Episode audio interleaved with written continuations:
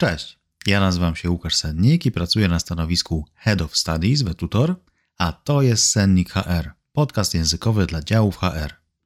Dzisiejszym tematem jest ocena pracowników i już na samym początku możemy skomentować, jak różne są te systemy walutowe w świecie anglosaskim i w świecie polskim, bo po polsku oceniamy pracownika, jest to ocena pracownicza, ocena pracownika, a po angielsku oceniamy raczej jego działania. I pierwsze słówko to jest właśnie performance appraisal, czyli właśnie ocena efektywności tej pracy, nie samego pracownika jako konkretnej osoby, więc to jest taka dosyć spora różnica. Jeśli chodzi o sam akcent, to appraisal będzie takie samo e, absolutnie jak w opcji brytyjskiej, jak w opcji amerykańskiej. To jest appraisal i pamiętajcie o tym szła na początku. E, appraisal. I oczywiście performance będziemy y, tutaj troszeczkę inaczej wymieniać w amerykańskiej wersji, bardziej z r, i performance w brytyjskiej wersji. I no, nie mówmy performance, czyli nie używajmy tego zwykłego polskiego e, tak jak mówimy o performance, tylko e, performance albo performance. I w zdaniu I must prepare for my appraisal today. Muszę przygotować się do mojej dzisiejszej oceny pracowniczej. Tutaj ciekawostka z must i have to, bo tak jak pewnie już wiecie, no raczej dowolnie e, można używać tych e, słówek must albo have to. Niemniej no, są jakieś drobne różnice i akurat tutaj w tym przypadku must będzie taką e, wewnętrzną obligacją, wewnętrznym zobowiązaniem, tak zwane internal obligation, bo my chcemy, bo my chcemy się przygotować do tej oceny, żeby dobrze na niej wypaść. Jeśli użylibyśmy have to, muszę się przygotować, bo jest oczekiwane, że ja przyjdę przygotowany na taką właśnie rozmowę oceniającą i e, to jest to external obligation, czyli to właśnie ta zewnętrzna obligacja, zewnętrzne zobowiązanie. Obligation to taki false friend tutaj. Drugie słowo top-down appraisal. Top-down appraisal to ocena odgórna, czyli wtedy, kiedy to menadżer ocenia pracownika, swojego podwładnego, a nie na odwrót. E, top-down możecie użyć też w różnych kontekstach, w innym kontekście, po prostu będzie tak jakby od ogółu do szczegółu. Top-down, czyli top będzie oczywiście ogólne, down bardziej już szczegółowe. I już w zdaniu I liked your top-down appraisal, but why don't we trade places and try bottom-up review? I tutaj e, wchodzi nam pierwsza z rzeczy, bo appraisal, o tyle o ile wcześniej powiedzieliśmy, że może być e, używane w jednym i w drugim akcencie, to akurat w przypadku amerykańskiego angielskiego częściej będzie raczej się pojawiało review, czyli właśnie zamiast performance appraisal, performance review. Także pamiętajmy o tym. Możemy też e, używać takiego skrótu, skrótu tak jak było w tym zdaniu. E, try bottom up review. No i właśnie to bottom up to ocena oddolna, czyli to ten menadżer będzie oceniany przez swojego pracownika również. I tutaj już zdanie po polsku. Spodobała mi się ocena odgórna, ale może zamienilibyśmy się miejscami i spróbowali oceny oddolnej. Trzecie słówko clean slate, czyli czysta karta, to po polsku z angielskiego. Y, czasem pojawia się jako carte blanche z innego języka. Y, czysta karta i w tym przedziwnym kontekście personal biases skewed your last appraisal results. Let bygones be bygones, so let's start with a clean slate. Skomplikowane zdanie i dużo w nim się dzieje. Przetłumaczmy je sobie na polski. Osobiste preferencje wypaczyły wynik Twojej oceny pracowniczej. Zapomnijmy o urazach i zacznijmy od czystej karty. Tutaj taka pozytywna myśl na koniec. E, więc mamy mm, przede wszystkim słówko skewed, czyli coś wypaczonego. Mamy biases, czyli właśnie te preferencje, jakby preferowanie czegoś, to jest właśnie bias. I fajny zwrot let bygones be bygones, czyli zapomnijmy o urazach. Let's start with a clean slate. Zacznijmy od czystej karty. Czwarty zwrot. Strengths and weaknesses. Mocne i słabe strony. Jak na przykład w analizie SWOT, czyli strengths, weaknesses. No właśnie, jak to wszystko się wymawia? Przede wszystkim, jeśli chodzi o TH w strengths, to już y, poruszyliśmy ten temat w poprzednich odcinkach. Przede wszystkim wystawiamy język przed zęby, lekko go przygryzamy i wypuszczamy powietrze, które mamy w płucach. Wtedy wychodzi nam f. Nie jest to oczywiście f, które troszkę bardziej syczy, ale tutaj pojawia nam się inny dźwięk.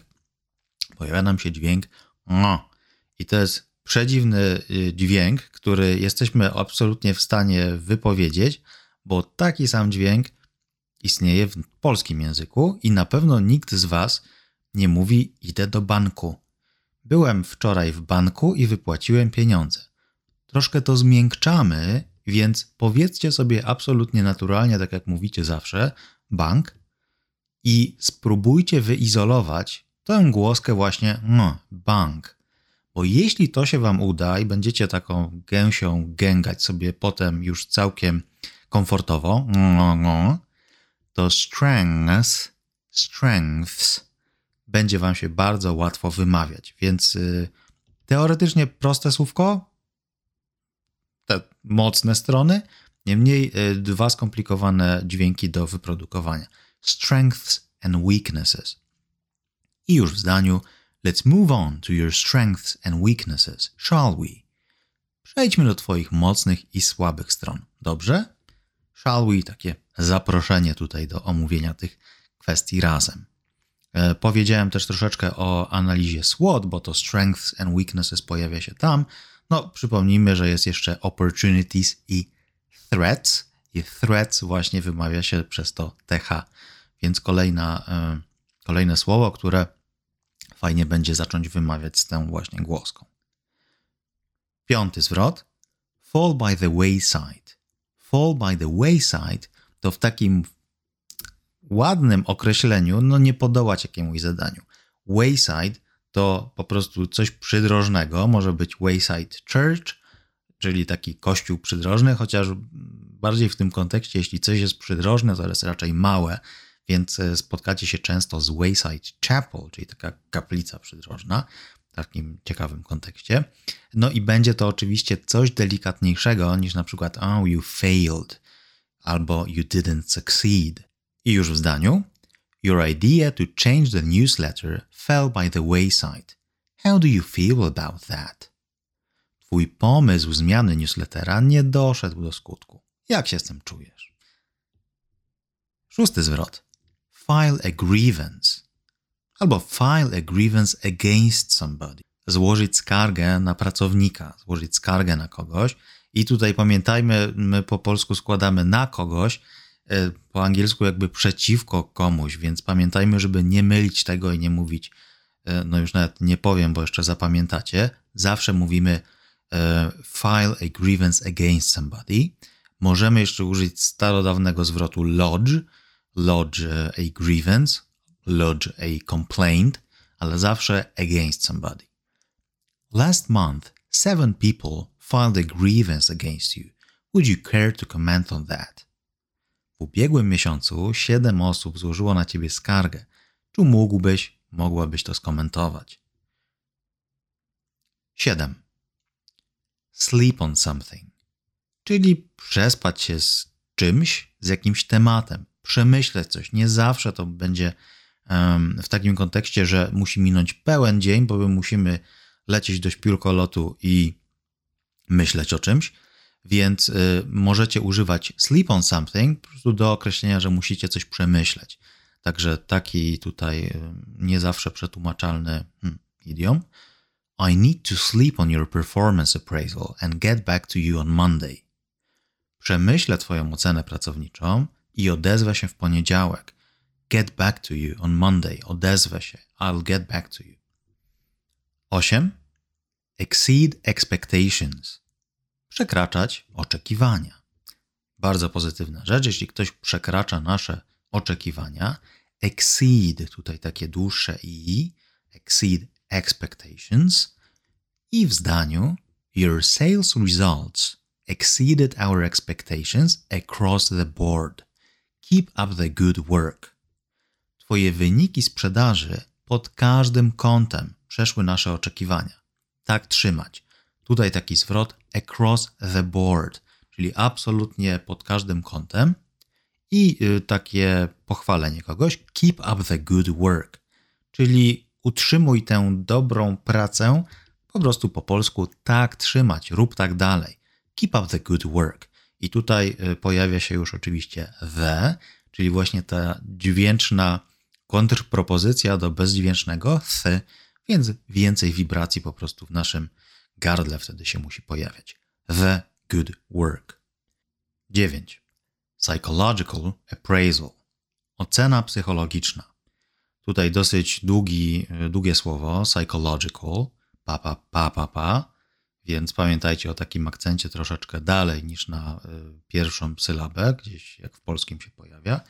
Y, ocena psychologiczna, mm, no tutaj akurat polski nam nie pomaga, bo y, na pewno w angielskim w żadnym momencie nie będzie pojawiało się P na początku. Będzie zawsze psycho, psychology, psychopath i psychological. I już w zdaniu Instead of conducting another 360 review, why don't we introduce a psychological appraisal this year? Zamiast przeprowadzać kolejną ocenę 360 stopni, może spróbujmy oceny psychologicznej w tym roku. Także tutaj pamiętajcie, na pewno żadnego P na początku. Psychological, zaczynamy od S. 10. Dziesiąte słowo to jest takie słowo ciekawostka. Tak pomyślałem, że fajnie będzie zakończyć czymś, co będzie mocno niestandardowe, i tym słówkiem jest słówko criterion. I pewnie już znacie słówko criteria jako kryteria i używamy tego w polskim dosyć często, ale jedno kryterium to będzie właśnie criterion. To jest ta pojedyncza forma i y, może jakoś nie zdarzyło Wam się używać tego słówka za często. To jest takie słówko bardziej no, w jakichś takich academic papers używane. Niemniej ważne, żeby wiedzieć, że y, two criteria, ale one criterion. I taka ciekawostka etymologiczna, tak jak powiedziałem, dziesiąte słówka będą takimi słówkami troszkę bardziej y, ciekawymi. Y, pochodzi od greki to słowo i tam krej oznacza siać. To jest taki jakby podstawa tego słowa, bo jak siejemy, to musimy wybrać, czy takie ziarno zasiejemy, czy inne, więc jest ten element wyboru oceny, i to jest właśnie to powiązane z criterion. I tak samo jak mamy e, słówka crime albo critic, to również podstawa tego słowa, ten root, e, jest właśnie również w pochodzeniu greckim, czyli cray, criterion. I już w zdaniu, absenteeism rate is the most important criterion in our company when it comes to employee appraisal. Wskaźnik absencji to najważniejsze kryterium w naszej firmie w kontekście oceny pracowniczej. Absenteeism rate od absent, czyli nieobecny, ale takie zjawisko absenteeism i rate, czyli po prostu tutaj wskaźnik. Powtórzmy słówka związane z tematem oceny pracowników. 1. Performance appraisal albo performance review ocena pracownika. 2 top-down appraisal. Ocena odgórna. 3. Clean slate. Czysta karta. 4. Strengths and weaknesses. Mocne i słabe strony. 5. Fall by the wayside. Nie podołać jakiemuś zadaniu. 6 file a grievance against somebody. Złożyć na kogoś skargę. 7.